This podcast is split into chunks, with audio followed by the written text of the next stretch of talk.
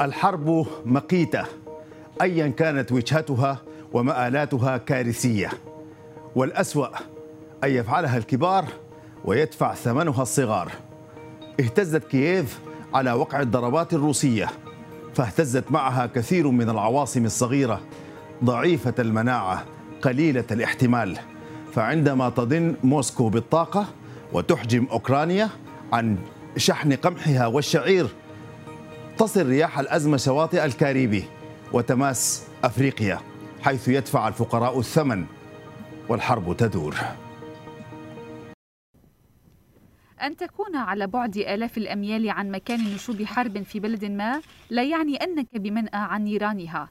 ومع كل صاروخ يطلق وقذيفة تنفجر في مكان ما يستغيث فقير ويتضرع جائع في مكان آخر. إنها الحرب. وحدها تصنع كل هذه الفجائع الممتدة على جسد التاريخ البشري فحين تندلع تخرج عن طورها فتطوي المسافات وتفرش الموت الأسود في أرجاء الأرض. وعلى نيران الحرب الروسية الأوكرانية تلمس العالم منذ الساعات الأولى على اندلاعها حجم الخطر الذي يحيق به. خطر يتباين بين جوع وفقر وتضخم ومديونية. شر لا يقتصر على الأوكرانيين وحدهم بل أيضا يمتد ليزيد من معاناة الدول الفقيرة والتي يحاول العالم عبر منظماته الدولية إنقاذهم من براثن الفقر عبر تقديم المساعدات المادية والغذائية. حرب أشد وطأة من جائحة كورونا فاستمرارها يعني تهديدا لوقف تدفق الأموال إلى خزائن الدول الفقيرة والنامية وينسف توقعات البنك الدولي لخفض عدد الأشخاص الذين يعيشون في فقر مدقع حول العالم والذين ناهز عددهم المليار فقير. الحرب التي تغرز مخالبها بجسد اقتصاد العالم ستزيد من عدد دوله الفقيرة وسترفع مديونية البلدان النامية لأعلى مستوى منذ خمسين عاما. ولن تكتفي بذلك بل ستفرض على خمسين بلدا فقيرا التأهب لمواجهة جائحة المجاعة والفقر. في وقت العالم منشغل فيه لتقديم كل ما يلزم لمساعدة أوكرانيا. صراع دفع بدول العالم من أقصى شماله إلى جنوبه للبحث عن وسائل لتأمين قوته لكن المعطيات تسير بعكس ما يشتهيه وذلك عقب قرع ناقوس الخطر العالمي الذي تنبأ بارتفاع أسعار السلع العالمية 20%. قصار القول الحرب الأوكرانية هي جحيم العالم في يمينها الألم وفي شمالها العذاب وفي أحشائها من الخوف والرعب من العوز والفقر والمجاعة ما لا يخطر على بال إنسان أهلا بكم من جديد. اذا تحت الضوء من CNBC عربية في هذه الحلقة نتناول وقع هذه المواجهات الأوكرانية الروسية وآثارها على بقية العالم خاصة العالم الفقير والدول الفقيرة التي لا تقوى على الحراك. آه، تتأثر آه، سلبا بهذه الحرب التي تحدث في هذه المناطق الجليدية لكن المناطق التي تسطع فيها الشمس تكون أكثر حرارة آه، لتداعيات ذلك. أرحب بضيوفي هنا في الاستوديو السيد فادي رياض وهو محلل الأسواق في Capex.com وأرحب بضيفي من لندن أيضا الدكتور ناصر قلاوون أستاذ الاقتصاد السياسي والعلاقات الدولية. ضيفي الكريمين أرحب بكم من جديد. وأبدأ بضيفي هنا في الاستوديو سيد فادي. أهلا وسهلا بك معنا. الله يسعد أوقاتك. أشكرك لوجودك معنا. يعني وكأن العالم لم يكن في حاجة إلى أزمة جديدة وهو منهك القوى وخائر القوى. نتيجة لتداعيات جائحة كورونا التي أنهكت الاقتصادات في العالم لتأتي الأزمة الأوكرانية الروسية وتصب مزيد من الزيت على النار. أود أن نقف على هذه التوليفة. إلى أي مدى العالم كان غير مهيأ لاستيعاب واستقبال أزمة جديدة؟ هلا بداية خليني أحكي إنه من الصعب جدا في هاي في هاي الحرب إنه نلخص المشكلة في نقطتين أو ثلاث ولكن أنا من وجهة نظري إنه ممكن نلخص آه، بسببين معينين ألا وهي التراكمات والعامل الزمني، بمعنى التراكمات إنه على مدار العامين الماضيين كانت الاقتصادات العالمية والدول جميعا كانت تعاني من جائحة كورونا اللي أصلا أجت غير متوقعة على كل الاقتصادات، فبالتالي آه، آه، وبعد ما أجت موضوع روسيا وأوكرانيا إلى الصورة فحتى لو إنه بنشيل روسيا وأوكرانيا من المشهد ولو للحظة واحدة فاصلا قبل هذا الموضوع كان في عندنا مشاكل التضخم مخاوف الركود سلاسة التوريد توريد الطاقة على الأخص. فباختصار كان في هناك مشكلة. فإذا بنرجع بنحط روسيا وأوكرانيا إلى الصورة مرة أخرى بنلاقي قديش صار في عندنا مشاكل زيادة على التضخم مشاكل زيادة عندنا في سلاسل التوريد البضائع الأغذية بشكل آه، بكافات خصوصا القمح. آه، فباختصار شديد هاي هي مسألة التراكمات لأنه أصلا في في آه، بالبداية إنه معظم الاقتصادات أو حتى أغلب الدول لم تتعافى بشكل جيد من جائحة كورونا. أضف إلى ذلك إنه قاعدين بلشنا قاعدين عم نشوف ما يترتب على هاي المشكلة. إحنا عم نحكي عن الدول النامية فما بالك على الدول التي تصنف بغير إنها غير نامية مثل نعم. الدول الأوروبية.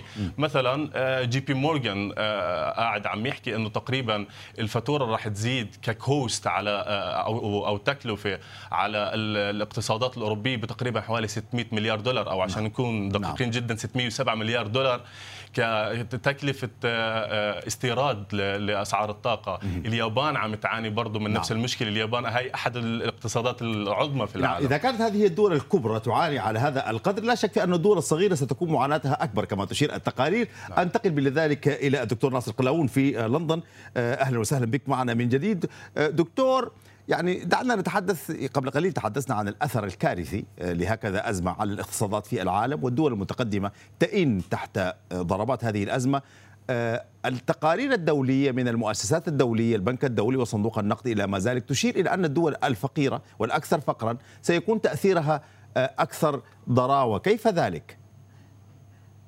أنا أقول أولا بأن منذ 2012 لحد 2021 كان هناك زيادة في المساحة المزروعة في العالم وفي المحاصيل والأسعار كانت متدنية القمح والحبوب وكلها دوار الشمس وغيره.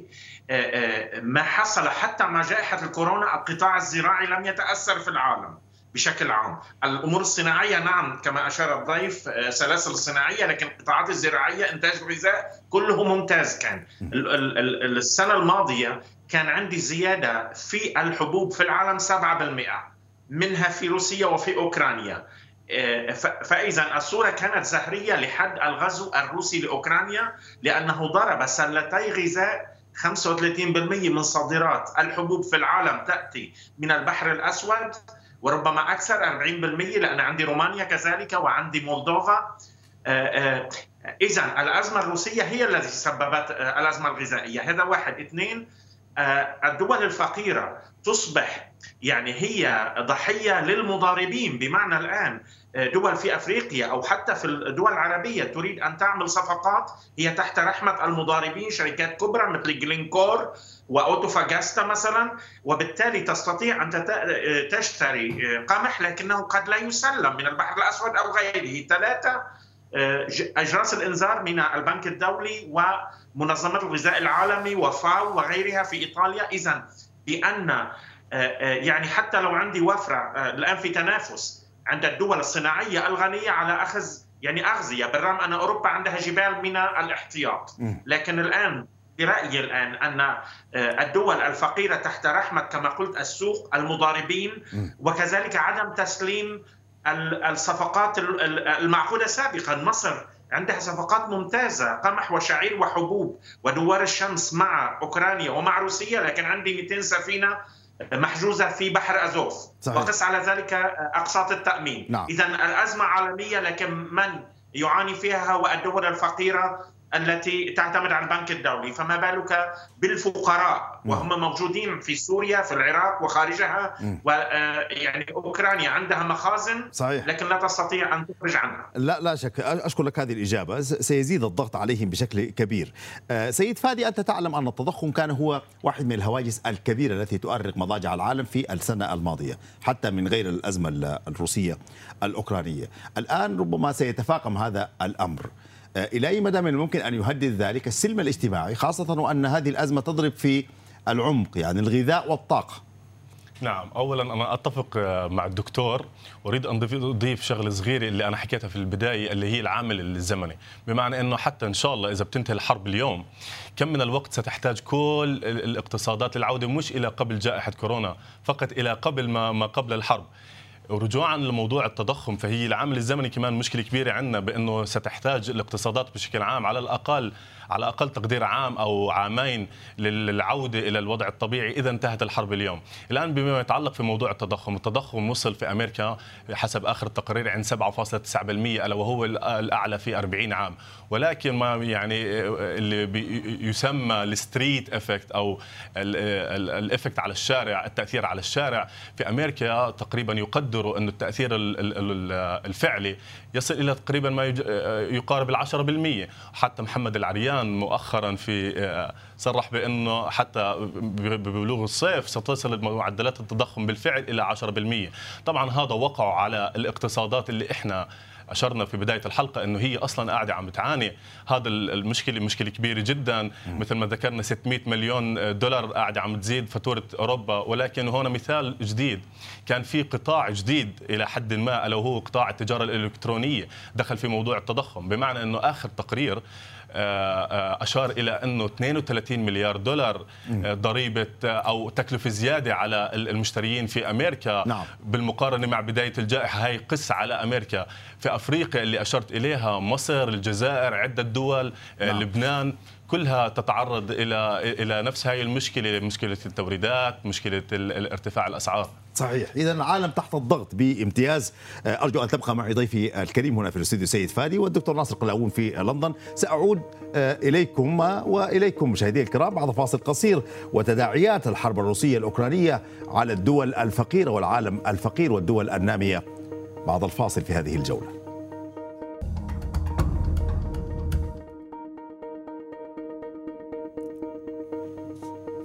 أهلا بكم من جديد في تحت الضوء في هذه الحلقة التي نخصصها للحديث عن تداعيات وتأثيرات الحرب الروسية الأوكرانية على الدول الأكثر فقرا في العالم وحتى الدول النامية. وأرحب من جديد بضيوفي هنا في الاستوديو السيد فادي رياض محلل الاسواق في Capex.com ولندن الدكتور ناصر قلاوون آه، أستاذ الاقتصاد السياسي. آه، دكتور آه، ناصر يعني دعنا نتحدث عن مسألة في غاية الأهمية فيما يتعلق ب طول أو قصر أمد هذه الأزمة. وأنت تعلم أن الآن هناك آه، ربما بعض النوافذ آه، مفتوحة للاتفاقات وما إلى ذلك. وكما قال ضيفي هنا في الاستوديو حتى لو توقفت الحرب اليوم فإن تداعياتها ستكون كبيرة. ماذا إذا طال أمد هذه الحرب؟ إلى أي مدى سيفاقم ذلك من حجم هذه الكارثة؟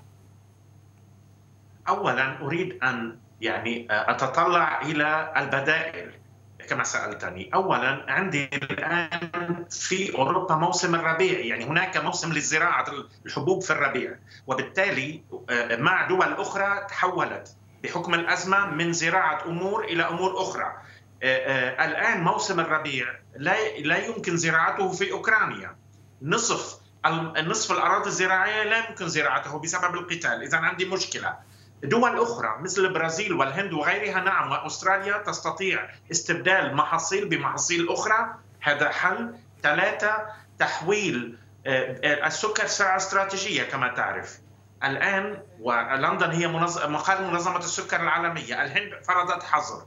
آه، آه، روسيا مع أنها كانت مصدرة من الشمال السكري هي وأوكرانيا عندها الآن 200 ألف طن تأتي من البرازيل يعني عندها حظر كذلك. وبالتالي هذا يؤثر على الاقتصاديات الفقيرة في الدول العربية مثلا صناعة الحلويات ليس فقط الخبز الحلويات. نحن على مشارف شهر رمضان. اذا هذا يشعر الشعوب والمجتمعات الفقيرة خصوصا بأن هناك مشكلة كبرى في العالم وبالتالي تتأثر حتى لو بعيدة عن عن مسرح القتال. كما قلت في في البدائل دول أخرى تقوم الآن حتى للفائدة الاقتصادية. كانت قلصت مساحات مزروعة في الماضي لمحاصيل كانت يعني أسعارها متدنية جدا والآن تعود لزراعتها. لكن أنا يعني لنقل أخاف على البيئة. كان هناك نوع من حظر غير رسمي لزيت آه، آه، الكانولا أو آه، بذور اللفت لمصلحة دوار الشمس كونه يأتي من يعني لأسباب بيئية. الآن هناك تحول غذائي يعني استبدال لنقل مصادر مصادر غذائية للتصنيع بمصادر أخرى. فإذا الكانولا محل دوار الشمس لأنه لا يأتي من البحر الأسود. كما قلنا الأرز محل القمح. هذا لا يحل الأزمة. لكنه يخفف من وطأتها. وهناك آه، للدول العربية هي سبق وأن استأجرت كشركات خاصة ضمنها مساحات واسعة في رومانيا مولدوفا وأوكرانيا للأمن الغذائي. الآن الآن التركيز سيكون على أفريقيا وبالتالي نعم.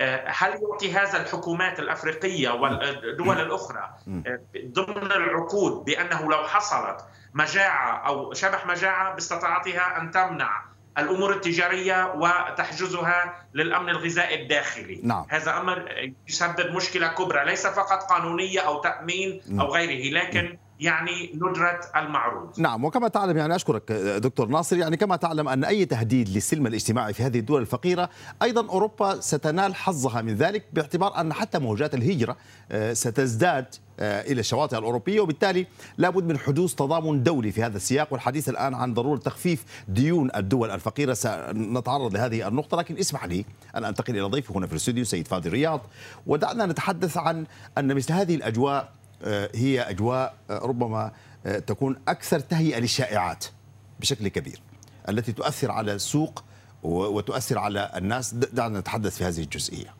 هلا طبعا مسألة الحروب هي مناخ خصب جدا لمسألة الشائعات، يعني كثير من المستثمرين حول العالم بيشتكوا جدا من مسألة اللي هي الأخبار الزائفة أو عدم فهم الأخبار بطريقة صحيحة، معنى أنه أنا وظيفتي كمحلل مالي في Capex.com أنه آه، أفصل هاي الأخبار أو أوضحها للعملاء بشكل عام. إنه مثلا خبر زي SWIFT إنه آه، تطبيق عقوبات SWIFT على روسيا. م. هذا الخبر بما معنى لازم يكون في فهم للجهة الأخرى. من آه، من هذا من هذا العقوبات. ألا وهي إنه مسألة ترابط الدول الاقتصادات بين روسيا ومعظم الدول تصل إلى 50% اللي في بينها اي أي علاقات اقتصادية. فالتأثير مزدوج. التأثير نفس ما هو على أوروبا أو الدول الأوروبية حتى الدول الغير أوروبية نفسه هو التأثير على روسيا. ولكن أنا من وجهة نظري إنه على روسيا حتى أقل. يعني روسيا هي الأقل متضررين من الحرب حتى الآن. بمعنى إنه يعني روسيا قاعدة عم تفكر الآن في في بيع النفط مرة ثانية آه، بأسعار أقل حتى إلى أقل من جائحة كورونا اليوم. الصبح كان في خبر according to Bloomberg يعني ووفقا لبلومبرج بإنه آه، روسيا عم تفكر بإنه ترجع تبيع للهند تقريبا حوالي 35 35 دولار أسعار ما قبل الجائحة. فروسيا قاعدة عم تتعامل مع الموضوع.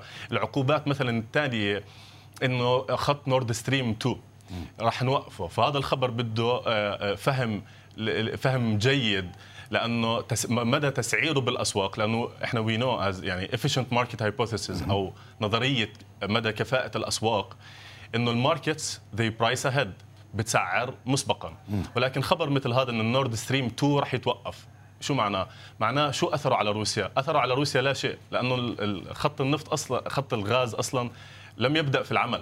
فهو ليس خسارة. لو كان في لو كان نورد ستريم شغال already نعم. ونقسم نقسم عائلاته. نعم. فهي فهي ورجوعا إلى النقطة الرئيسية اللي أنت أشرت حضرتك أشرت إليها بأنه الأهم هون هي أخذ المصادر أخذ الأخبار من المصادر الموثقة إضافة إلى ذلك فهم هاي الأخبار بالرجوع إلى المحللين. أخذ رأيهم بالموضوع عشان يصير في هاي التوخي من شغلة واحدة ألا وهي ال market abuse صحيح. دكتور ناصر قلاوون في لندن. يعني كما تحدث ضيفي هنا في الأستوديو بأن وكأن أوروبا يعني علي وعلى أعدائي. تعاقب روسيا وتعاقب نفسها.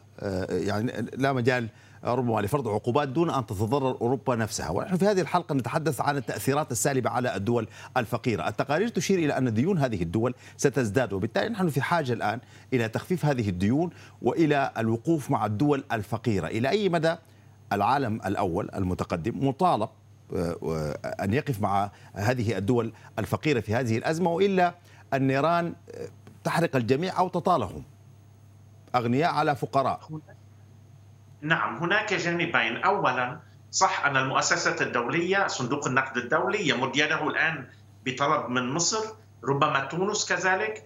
آه، آه، آه، اذا هناك مساعدة بالرغم من كل الانتقادات بأنها هذه المؤسسات الدولية تعيد إنتاج الفقر والديون ويستفيد منها الدائنون وليس المستهدف. لكن الآن حصل منذ عامين في الجائحة تأجيل لاستحقاقات الفوائد والديون بمعنى يخفف عن أعباء مثلا ميزانية تونس أو مصر أو غيرها دفع الفوائد يؤجله على الأقل وهناك مطالبات وحصلت في الماضي بإعفاءات يعني هيركات حصلت لليونان لأسباب أخرى وللبرتغال وغيره، اذا هذا يفتح باب كما قلت بأن يحصل في وقت معين تخفيف العبء عن الميزانية.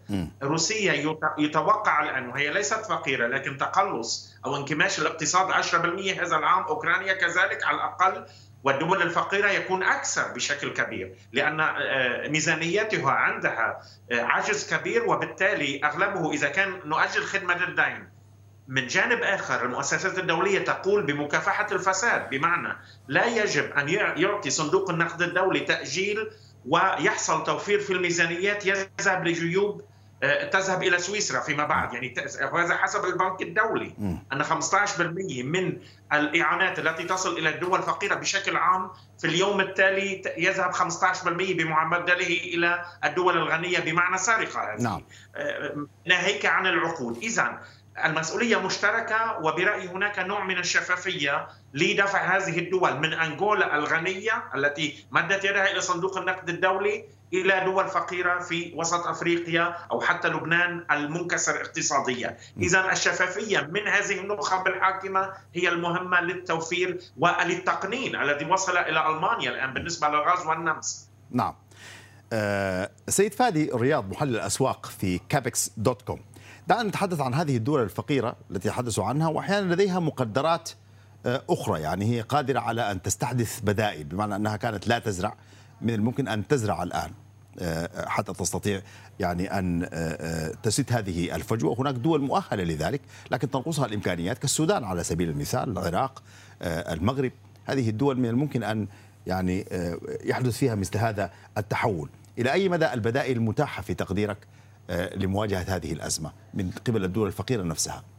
نعم هلا تقليص المشتريات، تقليص المشتريات بمعنى إنه سياسة النقد في في في كل في في في أمريكا أو حتى في البنك المركزي الأوروبي بتقليص المشتريات، معنى تقليص المشتريات هي تقليل الطباعة ورفع أسعار الفائدة، بمعنى إنه حتى لا لا يوجد عند أول نقطة بأنه لا يوجد عند الاقتصادات الاقتصادات العالمية الكبرى أو الرائدة القدرة على دعم الاقتصادات النامية مثل مثل قبل لأنه لسه طالعين من جائحة كورونا وكان في إمدادات بمعنى أنه كانت رئيسة البنك المركزي الأوروبي كانت عم تحكي مؤخرا أنه 192 مليار دولار وهو الرقم إذا يعني يتم توزيعه على عدة دول ليس بالرقم الكبير ولكن مع ذلك 192 دولار هو أكثر ما كان ما تم جمعه خلال جائحة كورونا لدعم الدول النامية، الآن الاعتماد الدول الناميه على نفسها لموضوع الزراعة كالمثال اللي حضرتك حكيته على السودان.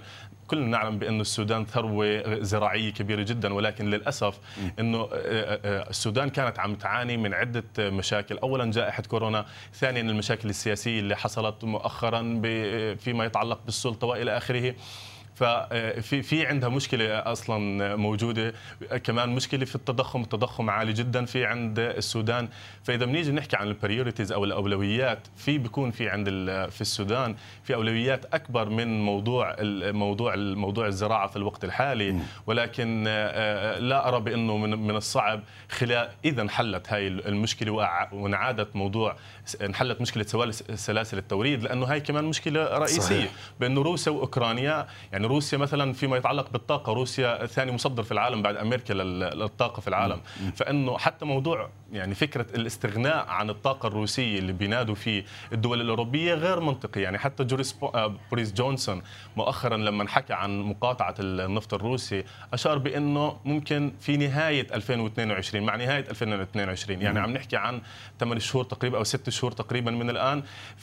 فبالتالي من الغير منطقي إنه نبلش من الآن. نحكي على مسألة إنه نستغنى عن الطاقة وإلى آخره. أول مشكلة أول طريقة لحل الموضوع هو الاعتراف بالمشكلة. نعم.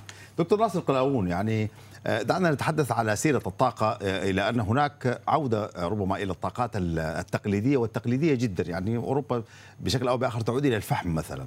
إلى أي مدى هذا يعتبر ردة عن مشروع التحول نحو طاقات نظيفة جديدة. وأيضا نود أن نتحدث عن تأثيرات ذلك على الدول الفقيرة بأقل من دقيقة لو تكرمت. أنا أقول العودة إلى الفحم وهذا ألمانيا تستورد نصف الفحم من روسيا وليس فقط نفط وغاز. يعني الآن برأيي تعليق يعني بنود مؤتمر باريس وغلاسكو كوب 26 ليس الغائها لكن الآن عندي رخصة الضرورات تبيح المحظورات وبالتالي في الدول حتى في بريطانيا العودة لاستكشاف الغاز الصخري بعد أن حصل حظر له. لتخفيف اولا الكلفة لأن الأمور المتجددة الطاقة المتجددة تكلف كثيرا. نعم. اذا هذا اعتراف عند الفقير وعند الغني صحيح. هذا. نعم. اثنين نعم نعم. وثم الاستثمار الآن برأيي كما قلنا في الطاقة الزهيدة وليس النظيفة المكلفة هذا نعم. باختصار. أنا أنا أشكرك وأشكر ضيفي هنا في الأستوديو السيد فادي رياض وهو محلل الأسواق في Capex dot com ومن لندن الدكتور ناصر قلاون أستاذ الاقتصاد السياسي والعلاقات الدولية. أثريتم الحوار شكرا لوجودكم ومعنا في هذا البرنامج وشكرا لكم مشاهدي الكرام على طيب المتابعة. يعني يبدو أن المشهد قاتم لكن في نهاية الأمر لابد أن يكون في آخر النفق وميض نور. إلى اللقاء.